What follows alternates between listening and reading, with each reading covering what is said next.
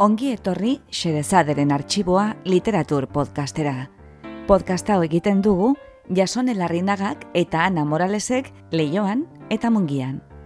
Guk bezala, zuk ere uste baduzu, munduan gauza gutxi direla hain atseginak nola ipuinon bat patxada zentzutea, gera zaitez gurekin, eta prestatu munduko kontakizunik bikainenak euskaraz entzuteko.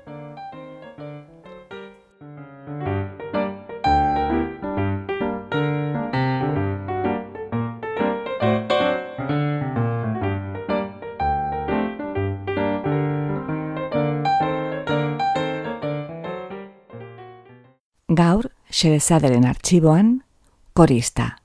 Egilea, Anton Txehov. Itzultzailea, Iker Sancho. Amar urte pasatu dira gure podcastean, Anton Txehov antzerki idazle eta epuingile bikaina konbidatu genuen ez gerostik.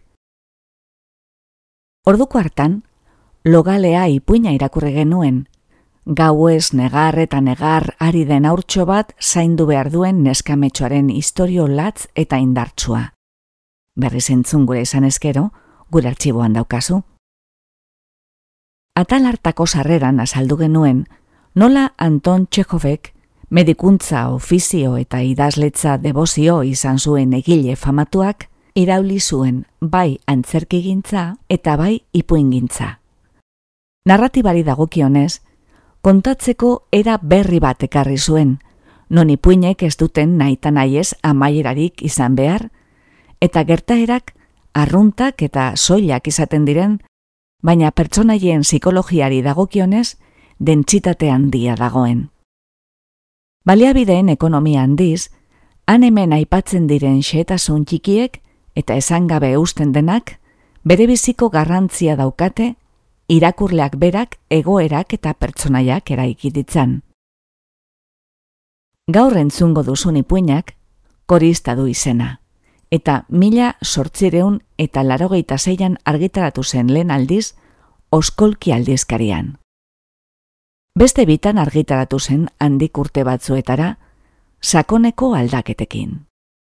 Izan ere, lehen bertzioan, protagonista ipuinari izena ematen dion korista, pertsonaia barregarri bat zen, eta ipuinaren tonua umoretsua, baina geroko bertsioetan autoreak goitik bera aldatu zuen ikuspegia, eta emakume zaurgarri, iraindu eta zapaldu baten istorioa kontatu zuen begirada empatiko batez.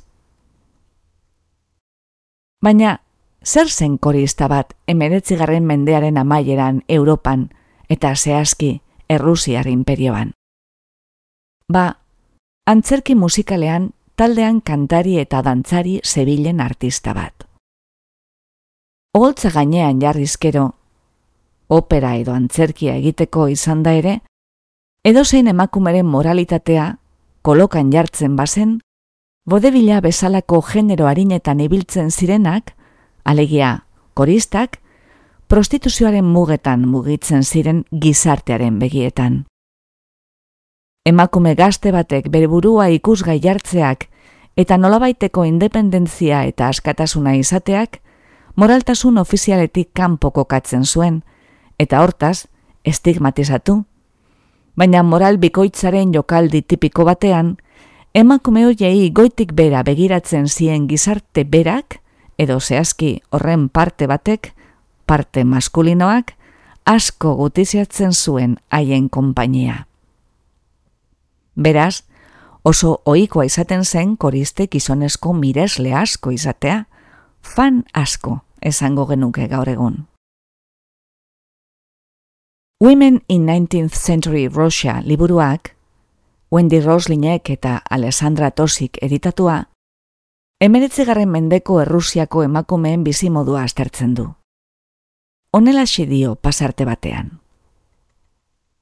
Aristokraziako edo goimailako emakumeek itxita izan zuten luzaroan karrera musikal profesionala egiteko bidea, eta jardun publikoa atzerritarren, jopuen edo maila hartainekoen esku baino etzegoen. Horieko holtza gainean ikusteak espaitzituen hainbeste asaldatzen Errusiako kode feudala edo egokitasun sozialaren arauak. Izan ere, klasearen eta generoaren arteko gurutzaketa funtseskoa zen antzerki musikalean. Eremu hori gobernatua baitzegoen, ikertzaile baten hitzetan esateko, jopu artistaren eta ugasaba ikuslearen arteko lotura erotikoaren bidez. Elisabeta Uranova, mila saspireon eta irurogeta mabian jaioa eta mila sortzirun eta hogeta zeian ila, lehen kantari bat izan zen. Sila Sandunov aktorearekin eskondu zen Elisabeta Uranova, baina nekez lortu zuen hori. Borroka egin behar izan zuen, Katalina emperatrizaren ministro Alexander Besborodokorekin, kantaria beraren tzat nahi baitzuen ministroak. Azkenean, Sandunov tarrek baimena lortu zuten eskontzeko, Katalina emperatrizaren esku hartze zuzenari esker, eta hor dugu, Andrasko babesle imperial batek Andrasko artista eseniko bat defendatzearen adibide bat. Baina kasuak erakusten du, nola are artistarik bikain eta famatuenak ere, bezero nobleen jabetzaren parekotzat tratatuak izan zitezkeen artean ere. Onaino heltzen da, Women in 19th Century Russia liburutik hartu dugun naipuak. Pasarte honek, Txehofen sasoia baino mende bat lehenagoko aroari badagokio ere, lagunduko digu hobeto ulertzen korista ipuinaren testu ingurua. Bi emakumeren arteko interakzioak hartzen du ipuin gehiena. Bata pasa da, korista, eta bestea, izenik gabeko dama bat. Goian aipatu dugun baleabideen ekonomia maixuki erabiliz, narratzaileak zertzela da gutxi baina esanguratzuak ematen dizkigu bata eta bestea kokatzeko, eta hipotesietarako atea zabaldezagun. Lehen paragrafoan bertan esaten zaigu, gertakaria pasaren landetxean jaso zela. Korista, ederragoa, gazteagoa eta ahots hobekoa zenean pertsonaiaren nolabaiteko gainbera iragarriz. Esan dugu bi emakume direla pertsonaia nagusiak, eta beren arteko elkarrizketak hartzen duela kontakizunaren parterik handiena. Hala ere, tamales esan behar dugu ipuinak ez duela betz del testa betetzen. Gogora dezagun test hori dela, emakumeek fikzioan daukaten errepresentazioan neurtzeko tresna bat, Alison Bechdel komikilariak plazaratua, testaren sortzailea Liz Wallace bada ere. Oso simplea da. Obra batean emakume gutxieneko errepresentazioa dutela esateko, beharrezkoa da gutxienez bi emakume agertzea elkarrekin hitz egiten gizon bat esten gai baten inguruan. Koristaren kasuan, lehen bibaldintzak betetzen dira, bi emakume agertzen dira elkarrekin hitz egiten, baina ez hirugarrena. Izan ere, haien izketa gaia, nor eta Nikolai Petrovich Kolpakov jauna da, koristaren oiko bizitaria eta dama misteriotsuaren zenarra. Agidanez, salbatu beharreko gizona, gixajoa eta non dago Nikolai Petrovich historio osoan. Ba, lehen horrian une bat ezagertzen da, nunbait moskortuta eta gumore txarreko, eta azken horri arte ez da gertzen berriro. Bitartean, alboko gelan dago, eskutatuta eta ziurazki galtzontzilotan. Zer gertatu da hemen? Ipuina entzuten amaitzen duzunean, egi oso galdera hori zeure buruari. Agian, erantzun bat baino gehiago bururatuko zaizkizu. Eta orain, entzun dezagun, korista.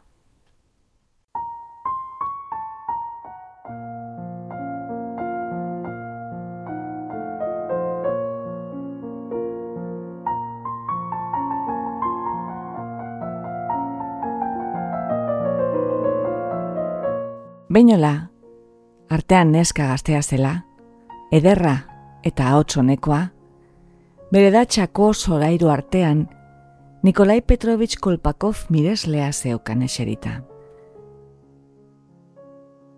Beroa eta itotasun sentsazioa jasan ezinak ziren. Kolpakov batzkaldu berria zen, eta oporto ardo txar baten botila osoa edan zuenez, umore txarreko eta gaizki sentitzen zen. Miak zeuden aspertuta, beroa noiz harinduko zain paseatzera joateko. Bapatean norbaitek sarrerako txirrina jo zuen. Kolpakovek, lebitarik gabe eta etxeko zapatiletan, jauzi bat egin zuen, pasari galderasko begirada bat zuzenduz. Postaria esango da, edo behar bada nire lagunen bat, esan zuen abeslariak. Kolpakov esen lotxatzen pasaren lagunen edo postarien aurrean, baina badazpada ere, arropak pilo batean bildu eta alboko gelara joan zen. Pasa, lasterka, atea irekitzera abiatzen zen bitartean.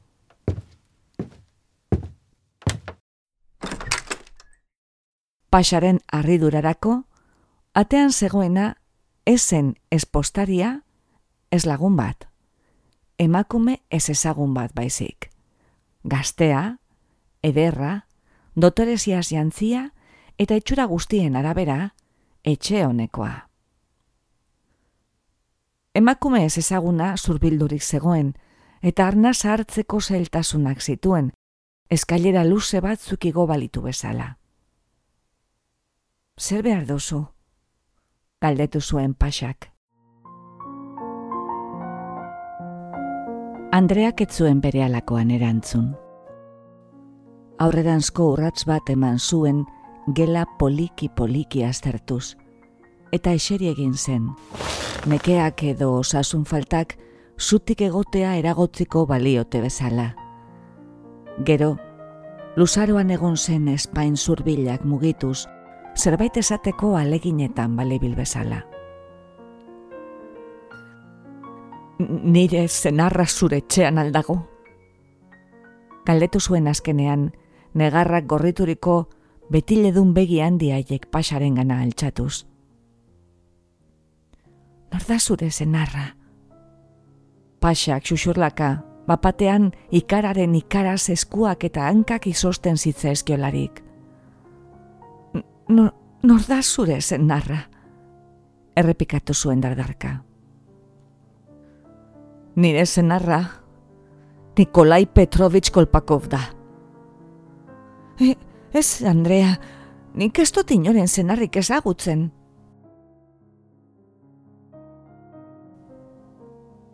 minutu bateko isilunea egon zen.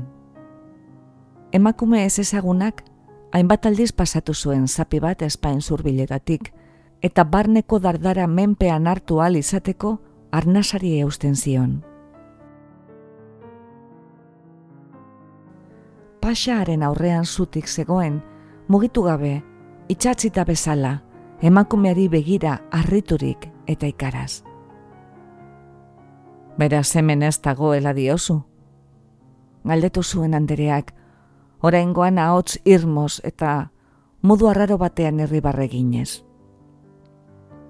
Nik, nik ez dakit nori buruz galdetzen didazun. Kaiztoa zara, zitala, matxarra. Esan zuen ez ezagunak totelka pasa gorrotos eta eguinez beterik astertzen zuelarik. Bai, bai, gaiztoa zara. Pusten naiz azkenean zuri hau esateko aukera izateaz. Pasak nabaritu zuen, beltzez jantziriko, aserre begidun eta atzuri fineko emakumeari, berak gaiztoa eta itxusia den zerbaiten sentsazioa igortzen ziola, eta lotza ikaragarria sentitu zuen bere masai lodi eta gorrizken gatik, sudurreko eritasun orbanen gatik, eta kopetan erorita zeukan hilearen gatik, espaitzuen lortzen inora ere gura goran zorrastea.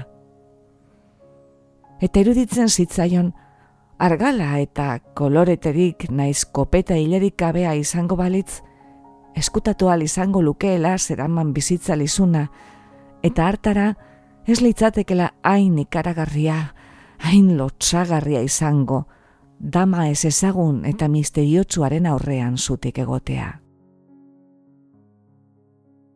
Non dago nire zenarra, jarraitu zuen damak. Tira, hemen egon edo ez egon berden zait, baina esan behar dizut, Nikolai Petrovitsen lantokian iruzurra aurkitu dutela eta haren bila dabiltzala. Atxilotu egin nahi dute.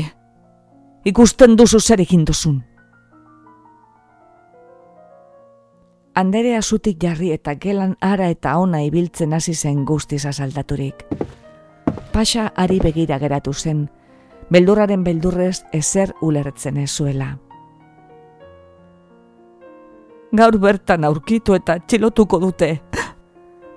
Esan zuen Andereak negar sotin bat eginez, soinu hartan iraina eta egon ezina entzuten zirelarik. Nik badakin nok bultzatu duen egoera honetara. Gaiztoa, zitala, emagaldu merk eta iguinkarria. Andereari, Espainiako kertu zitzaizkion eta sudurra bihurritu, iguina adiera zizedo. Ez daukat indarrik. Entzudazu ongi, emakume nola nahi korrek. Ez daukat indarrik. Zuni baino boteretzuagoa zara baina badago norbait ni eta nire aurrak albidera erortzea galareziko duena. Jainkoak dena ikusten baitu. Ark egingo du justizia. Ark ordainaraziko dizkizu nire malko bakoitza. Ez ne eman ditudan gau guztiak. Iritziko zaizu nitaz gogoratzeko eguna. Berriro egin zen isiltasuna. Anderea gelan zehar atzera eta aurrera zebilen, eskuei klask egin araziz. Pasak ergela urpegiaz begiratzen jarraitzen zuen, zer esan jakin gabe, ulertu ezin da eta ikaratzeko moduko zerbait gertatzeko zain. Andere, nik ez dakite zertxu ere. Ezatearekin batera, negarrez hasi zen.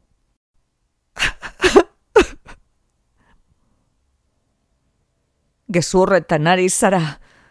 Oio egin zuen andereak, deiztira gaizto duen begiak pasaren gana zuzenduz. Den adakit, aspalditik ezagutzen zaitut. Madakit azkeneko hilabete honetan egunero gondela zure etxean. Ongi da, eta zer, zer gertatzen da alabada. Nik bizitari asko izaten ditut, baina inorez dut behartzen honetortzera. Libre dira ez etortzeko. Esan dizut ordea. Iruzurra aurkitu dute. Berea ez den dirua xautu du bulegoan. Zu bezalako batengatik. Zure gatik delitua burutzera iritsi da. Entzudazu. Esan zuen andereak ahots doinu izmo batez, pasaren aurrean zuti geratu ondoren. Baliteke zuk printzipiorik ez izatea zure bizitzeko arrazoi bakarra, ondamena eragita izatea. Hori izango da zeure helburua, baina ezin du sinetzi hain basu erori zarenik, giza sentimenduen arrastorik ere geratzen ez aizunik. Emaztea eta aurrak dauzka, kondenatu eta Siberiara deportatzen badute, aurrak eta niko zezilko gara. Ez aldozu lertzen. Ala ere, badago bera eta gu txirotasunetik eta lotsaizunetik libratzeko modu bat. Gaur, bederatzi una rublo ordaintzen baditut. Bakean utziko dute. Bederatzi una rublo besterik ez.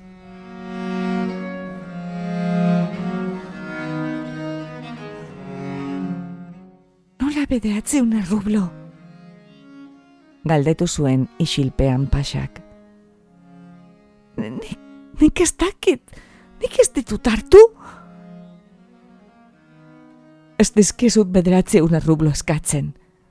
Zuk ez daukazu dirurik, eta gainera ez du zurea den ezer nahi. beste gauza bat eskatzen ari natzaizu. Gizonek zure modukoei baliozko gauzak oparitzen dizkiete. Itzuli esaskidazu nire zenarrak oparitu dizkizun gauzak. Horiek besterik ez. Handere, zure zenarrak ez dit gauza bat ere oparitu. Esan zuen paxa kuluka, bizitaaren nondik norakoa ulertzen hasia baitzen. Nondak orduan dirua? Berean, nire eta lanekoa xautu ditu. Non da gorduan hori dena? Arren eskatzen dizut. Azerrenen goen eta gauza ezatzegin asko esan dizkizut. Baina barkamena eskatzen dizut. Badakit ni gorrotatzeko arrazoiak izango dituzula. Baina errukia sentitzeko gai baldin bazara. Jar zaitez nire lekuan. Arren, emazkedazu bitxiak. Esan zuen pasak zorbaldei gorantzera ginez. Nik ustura emango nizkezuke, baina jainkoak zigorna zala zure zenarrak zerbait eman badit. Zinezi ezadazu. Pentsatzen jarrita, arrazoituzu. Neskak lotxaturik. Bi gauzetxo bai ekarri zizkidan. Tira nahi baduzu emango dizkizut. Pasak apaimaiko tiraderetako bati kanporantzeragin eta handik urrezko besoko barneuts bat eta kristal likidozko erastun bat gainean errubia zeukana atera zituen. Artu! Esan zuen pasak bitxiak bizitariari emanez. Anderea gorri-gorri jarri zen eta aurpegia dardarka hasi zitzaion. Irainduta sentitzen zen zer da eman didazun hau? Esan zuen. Et naiz limosna esketorri. Espada zeurea estena eskatzera. Zuk egoeraz baliaturik nire zenarrari, gizon haul eta zori gaiztoko horri ateratakoa eskatzera. Ostegunean, zenarrarekin ontziralekuan ikusi zintudanean, brotxe eta besoko garestiak zenera matzan. Beraz ez hasi orain nire aurrean antxume errugabearen papera jokatzen. Azkeneko aldiz eskatzen dizut. Emango dizkida bitxiak, bai, ala ez.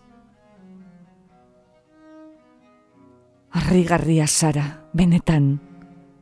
Esan zuen pasak, irainduta sentitzen hasia baitzegoen. Zindegizut, zure Nikolai Petrovich horrengandik, Besokoaz eta eraztu norrez gain, ez dudala ezertxo ere jaso. Pastel gozoak bakarrik ekartzen zizkidan. Pastel gozoak. Esan zuen emakume ez ezagunak, irribarre erdi bat eginez. Etxean umeak jatekorik gabe eta hemen pastel gozoak. Bitxiak itzultzeari, irmoki egiten diosu uko orduan, Erantzunik jaso ez zuen ez, handerea eseria egin zen. Eta bere pentsamenduetan murgildurik, puntu finko baterantz begira geratu zen.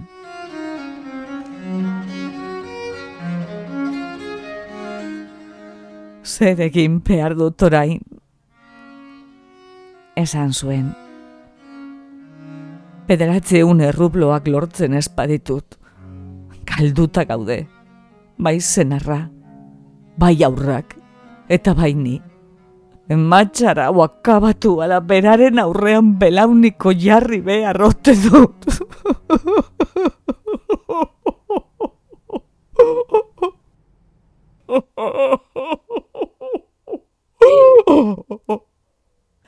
Bezerez eskatzen dizut. Entzun zen negar artetik nire zenarra galbidera eta ondo aiotzera bultzatu duena zu izan bazara. Salbaza zeuk. Beraren gatik errukirik esentitzea gauza bat da. Baina, aurrak, aurrak, ze erru dute aurrek. Pasak kalean zutik eta gozearen eraginez negar malkotan irudikatu zituen aurrak, eta bera ere negar zotinka hasi zen. zer egin dezaket nik, ante. Esan zuen. Zuk diozu nik aiztoa naizela, eta Nikolai Petrovich galbidera bultzatu dudala. Baina zintegizu, jainko algustedunaren aurrean, ziurtatzen dizut, ez dudalaren gandik inongo nulari jaso. Nik abesten dudan koruan, motia da maitalea beratza daukan bakarra. Beste guztiok, alduguna egiten dugu bizirik irauteko. Nikolai Petrovich gizonik asia eta fina da, eta horregatik onartu nuen. Gauzak dauden bezala, ez gauden miskinkeriatan ibiltzeko moduan. Bitxiak askatzen ari natzaizu, emazkera zu bitxiak. Hemen nago negarrez, humilatuz, pelauniko jartzea nahi alduzu. Tira ba! Pasak ikarazko oiu bategin, eta eskuak astindu zituen. Ikusi zuen antzerkietako dotorezia hitz egiten zuen andere zurbil eta ederura, menetan prez zegoela bere aurrean belauniko jartzeko. Hain justu, arroa eta ohoretsua zelako. Hain zuzen, bere nagusigoa berrestearekin batera, gorista aura humilatu alizateko. Ongi da, e, emango dizkizut bitxiak, pasa papatean presaka mugituz eta begiak lehortuz. Hemen dituzu, naiz eta ez diren Nikolai Petrovitzenak, beste bisitari batzuek emanak dira, hemen daukazu bila biltzana. Pasa komodako goiko tiradera ireki zuen. Handik, diamante dun brotxe bat, koralesko aria, zenbait erastun, eta besoko bat atera eta damari eman zion dena. Arrezazu nahi baduzu, baina jakin zazu nik zure zenarraren gandik inongo nularik ez dudala jaso. Artu, eta beraztu nire kontura. Jarraitu zuen pasak, belauniko jartzeko mehatxuak zamindurik. Etaren emazte noblea eta legezkoa bazara, jakin ezazu zure ondoan hobeto eusten jakin beharko zenukela. Nik ez ni ondeitu, bera etorri zen. Andereak, malkoen artetik pasak emandako gauzak ikuskatu, eta esan zuen. Ez da nahikoa. Hemen, bosteun errubloko balio ere ez da egongo. Pasak bortizki atera zituen komodatik urrezko ordulari bat, zigarreta kaxa bat eta hile horratz bat. Ondoren esan zuen besoak zabalik zituela. Horrez gain ez daukate zentzu ere. Biatu itzea nahi baduzu. Bizitariak asperen egin, eskudardartiz bitxiak zapian bildu, eta alde egin zuen, txintik esan gabe, ez da buruarekin kenutxu bat ere. Alboko gelako atea ireki, eta kolpakov sartu zen. Zurbildurik, eta burua orduritasunez atzera aurrera mugituz, orduan txez zapore garratzeko zerbait janbalu bezala. Begietan malkoak zeuzkan. Non daude zuk nire karritako bitxiak? Era zion pasak. Noiz ekarri dizkidazu, galdetzea lizentzia bada. Bitxiak, hori da orain gutxienekoa. Bitxiak, esan zuen kolpakofek burua astinduz. Jainko maitea, zure aurrean negarrez, humilatzen ibili da. Kaldera batekin dizut, non daude zuk niri karritako gauzak pasak garrasika. Jainko maitea, horrelako emakume fina, ohoretsua, karbia. Belauniko jartzeko presegoen zera honen urdanga honen aurrean, eta neuk bultzatu dut horretara, neure erruz izan da. Gero, buruari eskuekin eutziz eta erdinegarrez. Ez, sekula ez diotorin ere buruari barkatuko. Ez hori ise. Alden du zaitez nigandik lotzagabe hori. Egin zuen oiu iguinez beterik. Pasaren handik atzeran zurrunduz, eta beso dardartiak beraren eta emakumearen artean ipiniz. belauneko jartzeko presegoen eta noren aurrean, zure aurrean, nahiain komaitea.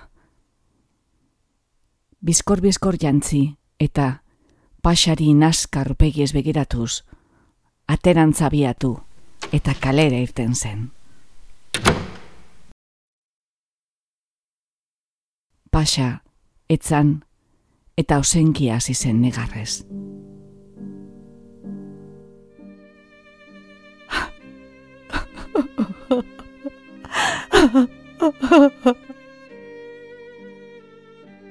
Ordurako, damututa zegoen bitxiengatik, haiek beroaldi batean eman izanagatik, eta irainduta sentitzen zen. Gogora etorri zitza eskion, hiru urte lehenago, merkatari batek, horretarako inongo arrazoirik izan gabe, eman zizkion kolpeak, eta are osenago hasi zen negarrez.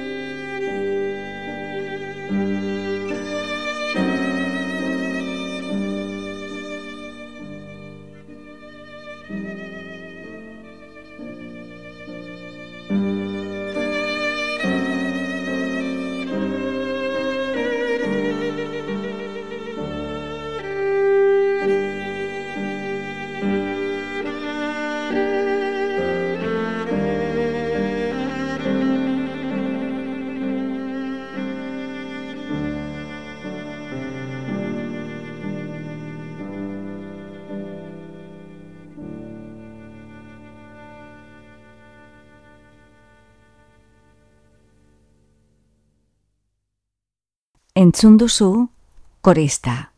Egilea Anton Chekhov. Itzultzailea Iker Sancho.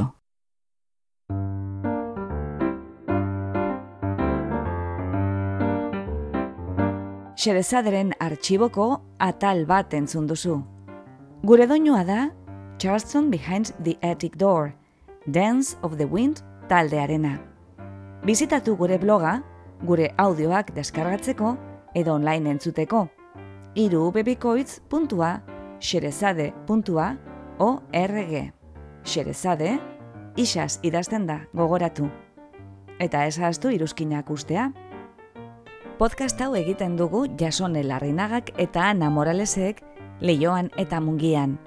Xerezaderen artxiboko atal guztiak emititzen dira Bilboiria irratian eta arrosa zarean.